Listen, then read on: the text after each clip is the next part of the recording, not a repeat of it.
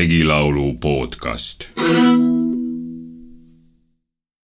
neitsikene noorukane, neitsikene noorukane, kui hakkad koos Näeme, kui hakkad kodunt menema ja hakkab ale tulema ja hakkab alema vesi silmist, vere meie vesi silmist. meie hakka enne heide kaela, hakka enne heide kaela tagajärel, kaela tagajärel taadi kaela vere välja, venne kaela vere välja kaela USA, dede kaela USA kaela Jumalaga heide uksed Jumalaga, uksed Jumalaga, taadi uksed Jumalaga, taadi uksed venna veste Räävad venna vested, tuud verävad uue õued, õunapuised, uue õued.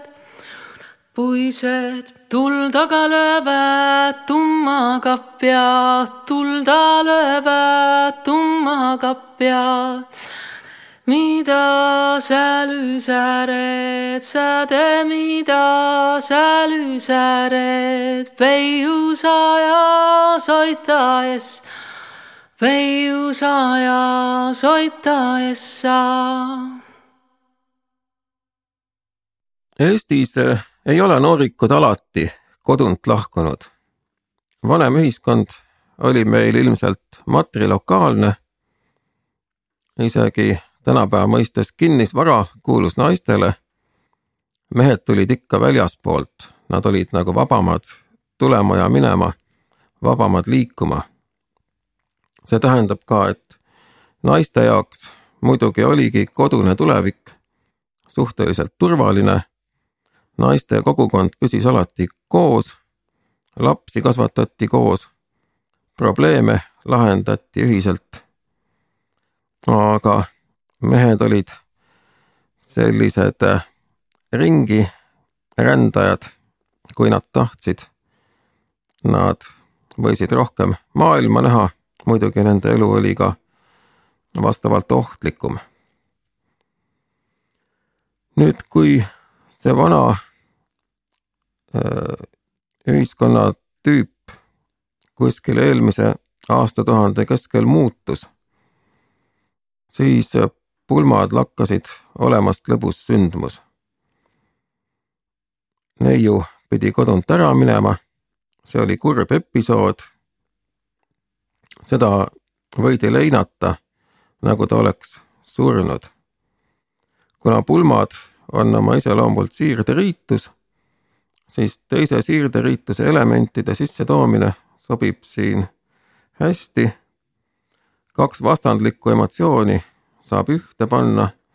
Lõuna-Eestis ja Setumaal asi on nii kaugele isegi läinud, et pruut rituaalselt lausa suretatakse ta, tema ja kõik tema lähedased surevadki ära ja siis ta lauldakse uuesti ellu. see tähendab, et ikkagi see vana tava muutmine seda tajuti väga traumaatilisena. sirderiitus on ka teatava läve ületamine ja seda siin dramatiseeritakse sõnadega Jumalaga heide uksed, Jumalaga taadi uksed, venna vestetud väravad. teise elujärku üle minnes ületatakse siis ka mitu füüsilist läve. Need kehastavad seda sümboolset üleminekut. aga uks muidugi päriselt ei ole uks, teispoolsusesse. minnakse lihtsalt teise elujärku ja saatus on teadmata. Eesti pulmakommetest on teada veel hulk rituaalseid toiminguid, mis rõhutavad selle ülemineku vastumeelsust. Näiteks, et kui saajad sõidavad pruudi koju, siis veeretatakse teele suuri kive, ehitatakse tõkkeid, terved aiad ehitatakse ette. Need ehitajad ise on küll seal kõrval ja veeretajad, et siis kui häda käes, siis nad tulevad välja, aitavad tee jälle puhtaks teha. aga ikkagi rituaalselt sellel on oma tähendus. ja taluväravad pannakse kinni. saajaid sõimatakse seal. Neid tulistatakse sümboolselt mingitest tuhapüssidest.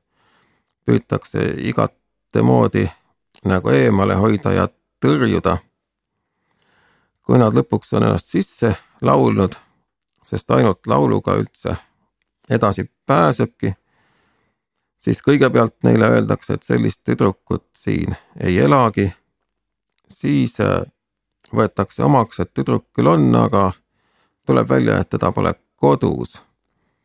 lõpuks on saajad ennast tuppa ka laulnud.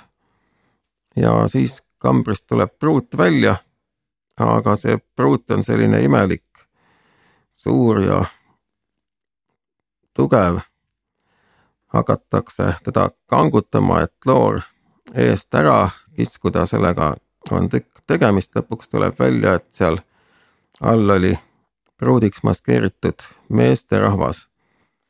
ühesõnaga on siis terve rida selliseid jälgi rituaalist sellest, et nooriku lahkumine kodunt ei olnud kaua aega õige asi, see, miks see komme muutus, ilmselt siis ikkagi Eesti ja Saksa kohaliku kultuuri ja vallutajate kultuuri ristumise tõttu, et millegipärast see matrilookaalne süsteem kadus juriidiliselt samuti, kinnisvara omand muutus, see hakkas kuuluma meestele. Aga pärimus on selle kommete ambivalentsuse säilitanud. et pruut siis küll antakse ära, aga samas näidatakse välja, et sellega ei olda täielikult rahul. pärimuses justkui püsib siis nende uute pulmakommete all mingi vana lootus, et muistne õiglus taastub, kosmiline kord taastub ja naiste kogukond, nii nagu see vanasti oli, hakkab jälle koos püsima ja muutub taluelu tuumaks. pulmad olid kõigile muidugi ikkagi lõbus pidu, aga nad ei olnud lõbus pidu tingimata abiellujatele. Nende jaoks oli tegemist pigem katsumusega. nii võis olla, et esimese öö peigmees pidi magama ahjus ja pruut paljastel voodilaudadel. teisel ööl olid nendega koos peiupoisid ja pruut neitsid. öö läbi käis mingi mürgel. magada õieti ei saanudki. see tähendab, et tegemist oli ikkagi ränga initsiatsiooniga. Ja pulmad siis pruudi ja peigmehe jaoks olid selline ebamugav katsumus, kui see ükskord läbi sai, siis hingati kergendatult